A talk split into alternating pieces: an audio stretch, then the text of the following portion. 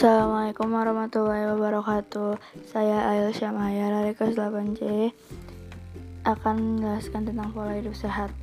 Dalam hal ini yang namanya kesehatan tentunya harus selalu diperhatikan. Banyak orang yang berkata kesehatan itu mahal Maka untuk menjaga kesehatan diperlukan pola hidup yang sehat juga. Pola hidup sehat tersebut harus diterapkan mulai dari diri sendiri hingga lingkungan tempat tinggal. Pola hidup sehat adalah gaya hidup yang memperhatikan segala aspek kondisi kesehatan, mulai dari makanan, minuman, nutrisi yang dikonsumsi, dan perilaku kita sehari-hari, baik itu dalam sebuah rutinitas, baik itu dalam sebuah rutinitas olahraga yang tentu akan menjaga kondisi kesehatan dan juga akan menghindarkan dari segala yang dapat menjadi penyebab penyakit bagi tubuh kita. Kesehatan adalah dambaan kita semua. Untuk hidup sehat, tentunya akan menjalankan sebuah aktivitas rutin dengan memperhatikan gaya hidup sehat. Kekayaan lahir dan batin, kekayaan lahir dan batin tidak akan ada artinya bila kita masih terjebak dalam kondisi atau situasi sakit, baik itu karena virus penyakit ataupun karena tingkah laku yang tidak memperhatikan kondisi badan. Pola hidup sehat selalu berhubungan dengan faktor makanan yang menyehatkan serta menjauhi dari pola makanan tidak sehat yang nantinya akan menyebabkan hari-hari kita menjadi suram karena timbul penyakit.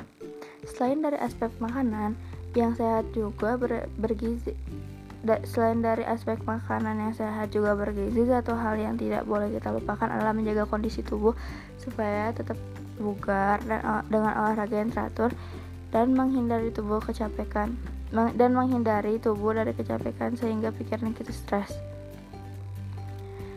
Dengan selalu memperhatikan pola hidup sehat, semoga kita dalam semoga kita selalu dalam keadaan sehat, dapat menjalani kehidupan ini dengan penuh makna bersama keluarga atau lingkungan sekitar kita. Tujuan atau manfaat pola hidup sehat.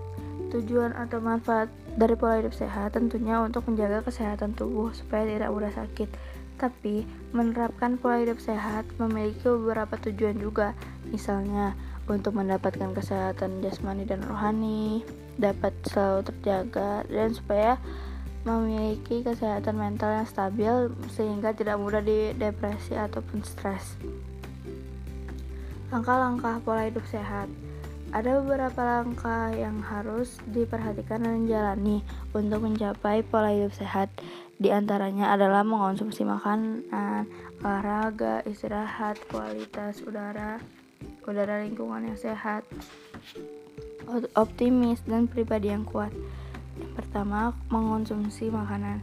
Konsumsi makanan yang memenuhi standar kesehatan adalah harus bisa memenuhi kebutuhan tubuh. Untuk tidak anda, untuk untuk itu Anda harus mengetahui tentang makanan yang dibutuhkan oleh tubuh. Nih ada ada jadi mengonsumsi makanan tuh ada menjadi tiga bagian. Yang pertama itu makanan sehat. Makanan yang dikategorikan sebagai makanan yang sehat adalah makanan yang mengandung unsur-unsur zat yang dibutuhkan tubuh dan tidak mengandung bibit penyakit atau racun. Namun, makanan yang dikategorikan sehat ini sangat berhubungan dengan sikap dan pola makan setiap orang. Jadi, makanan jadi makanan yang mengandung unsur-unsur bergizi harus disertai dengan upaya menjaga kebersihan dan kesehatan orang yang memakannya karena kalau misalnya kita nggak jaga kebersihan kalau misalnya kita makanan itu sehat terus kita pegang sama aja jadi gak sehat makanannya gara-gara kita tangannya masih kotor. Terus yang kedua ada minuman sehat. Air minum yang sehat adalah air minum yang cukup air minum yang cukup mengandung mineral, mineral yang dibutuhkan tubuh. Air minum sehat juga berarti air minum yang bebas dari bibit penyakit dari bibit penyakit dan racun memilih minuman memang tak tak, bisa, tak lepas dari masalah selera namun, sebaiknya kita tidak melupakan segi kesehatan. Kita perlu mengetahui unsur-unsur apa saja yang, yang terdapat dalam suatu jenis minuman. Apakah minuman itu merupakan minuman yang dibutuhkan tubuh atau tidak, atau apakah minuman itu termasuk minuman yang bersih dan sehat. Berikut ini ada beberapa syarat yang bersih dan sehat. Jadi air itu harus jernih, tidak berwarna, tidak berbau, dan tidak berasa atau disebut air yang memenuhi persyaratan fisik. Yang kedua, tidak mengandung zat yang membahayakan kesehatan seperti tembaga, seng, racun, dan alkohol. Yang ketiga, disebut air memenuhi persyaratan kemis atau kimiawi tidak mengandung benih-benih penyakit misalnya tifus dan disentri yang kelima cukup mengandung mineral yang dibutuhkan tubuh Betul yang ketiga itu ada gizi seimbang kita kita sudah membahas bersama tentang minuman yang bersih dan sehat. Ada beberapa minuman yang sangat dibutuhkan oleh tubuh kita seperti air, kopi, susu, jus, dan lain sebagainya. Sebuah minum, semua minuman bermanfaat bagi tubuh. Tetapi belum tentu semuanya dibutuhkan oleh tubuh kita karena itu kita menjaga, perlu menjaga keseimbangan gizi. Terus yang kedua itu ada olahraga. Nah, olahraga itu olahraga adalah kegiatan yang mudah dilakukan tetapi banyak yang mengabaikannya sebenarnya tuh olahraga tuh banyak bisa olahraga skippingan jogging dan lain-lain kan gampang tapi orang tuh mager gitu apalagi sekarang terus istirahat yang cukup istirahat yang cukup memberikan dampak bagi tubuh kita yang letih dan memberikan cukup waktu untuk mengembalikan tenaga yang telah dipakai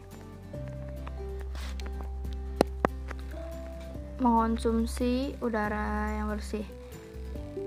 Bagi yang tinggal di kota besar, sulit rasanya untuk bebas dari polusi. Namun, demikian kita harus berusaha meminimalisir hal tersebut setidaknya tidak menambah buruk kondisi udara. Hal tersebut dapat kita lakukan dengan cara seperti menanam tanaman di pot di sekeliling rumah dan menyisakan dan menyisakan lahan untuk ditanami pohon walaupun lahan itu hanya cukup untuk satu pohon. Yang penting kita tanam pohon gitu tanaman itu. Terus yang kelima mengondisikan lingkungan yang sehat.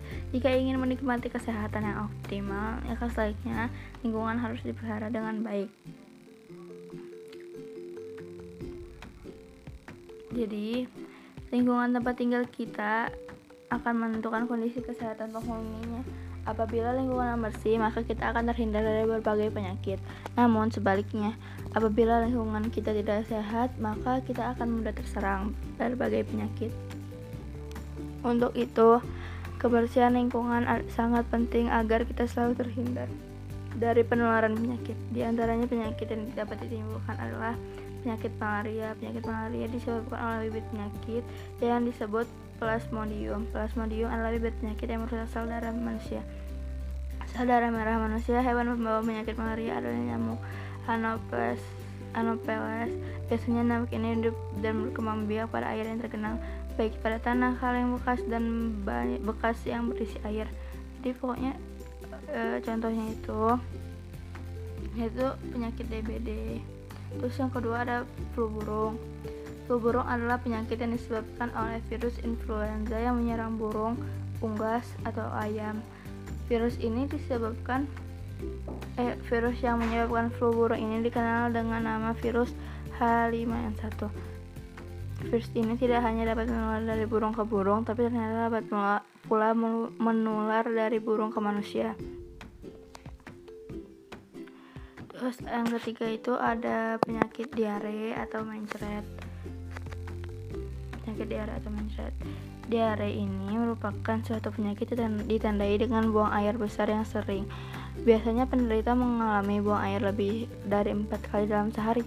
Penyakit diare yang menyerang anak balita sering menimbulkan kematian. Terus pola hidup sehat ini terus banyak lagi penyakitnya terus pola hidup sehat ini sangat harus kita lakukan apalagi pada saat sekarang di mana sedang marak-maraknya coronavirus atau covid-19 jadi kita sekarang jadi kita harus sering jaga kebersihan. Oh ya ngomong-ngomong tentang virus corona yuk kita bahas yuk.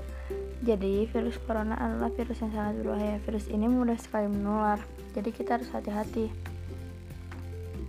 Coronavirus atau virus corona merupakan keluarga besar virus yang menyebabkan infeksi saluran pernafasan atas ringan hingga sedang seperti seperti penyakit flu, banyak orang terinfeksi virus ini setidaknya satu kali dalam hidupnya. Dalam hidupnya, faktor resiko infeksi virus corona siapa pendapat terinfeksi virus corona akan tetapi bayi dan anak kecil serta orang yang kekebalan tubuh yang lemah lebih rentan yang lemah lebih rentan terhadap serangan virus ini selain selain itu kondisi musim juga mungkin berpengaruh contohnya di Amerika Serikat infeksi virus corona lebih umum lebih umum terjadi pada musim gugur dan musim dingin. Di samping itu, seseorang yang tinggal atau berkunjung ke daerah atau negara yang rawan virus corona juga beresiko terserang penyakit ini. Terus penyebab penyebab virus corona itu percikan air liur, pengindap, batuk atau bersin. Yang kedua itu menyentuh tangan atau wajah orang yang terinfeksi menyentuh mata, hidung, atau mulut setelah memegang barang yang terkena percikan air liur pengindap virus corona. Terus gejala-gejalanya tuh ada hidung beringus, sakit kepala, batuk, sakit tenggorokan, demam, merasa tidak enak badan, dan lain-lain. Terus ya, cara pengobatannya itu cara pengobatan infeksi virus corona tidak ada perawatan khusus dari mengatasi untuk tidak ada khusus untuk mengatasi infeksi virus corona. Umumnya pengindap akan pengindap akan pulih dengan sendirinya. Namun ada beberapa upaya yang bisa dilakukan untuk meredakan gejala virus corona ini. Yang pertama, minum obat yang dijual bebas untuk mengurangi rasa sakit, demam, batuk gitu. Terus yang kedua, gunakan pelembab ruangan atau mandi air panas untuk membantu meredakan sakit tenggorokan atau dan batuk. Yang ketiga, berbanyak istirahat, berbanyak asupan cairan tubuh. Jika merasa khawatir dengan gejala yang dialami, segera hubungi penyedia kesehatan terdekat. Jadi penjagaannya itu kita tuh sering-seringlah mencuci tangan dengan air sabun dan air selama 20 detik sehingga bersih. Hindari penyentuh wajah, hidung atau mulut saat dalam saat tangan dalam keadaan kotor atau belum dicuci. Hindarilah kontak langsung atau pendekatan dengan orang yang sakit. Hindarilah menyentuh hewan atau unggas liar. Membersihkan dan mensterilkan permukaan benda yang sedang digunakan. Tutup hidung dan mulut ketika bersin atau batuk dengan tisu. Kemudian buanglah tisu dan cucilah tangan hingga bersih. Jangan keluar rumah dalam keadaan sakit, keadaan masker, eh, kenakan masker dan segera berobat ke fasilitas terdekat. Itu kalau misalnya mm, mengalami gejala-gejalanya. Terus sekarang itu kita harus di rumah aja kalau misalnya nggak perlu-perlu banget usah keluar. Keluar juga pakai masker. Sekian yang bisa saya sampaikan. Maaf bila ada kesalahan kata. Wassalamualaikum warahmatullahi wabarakatuh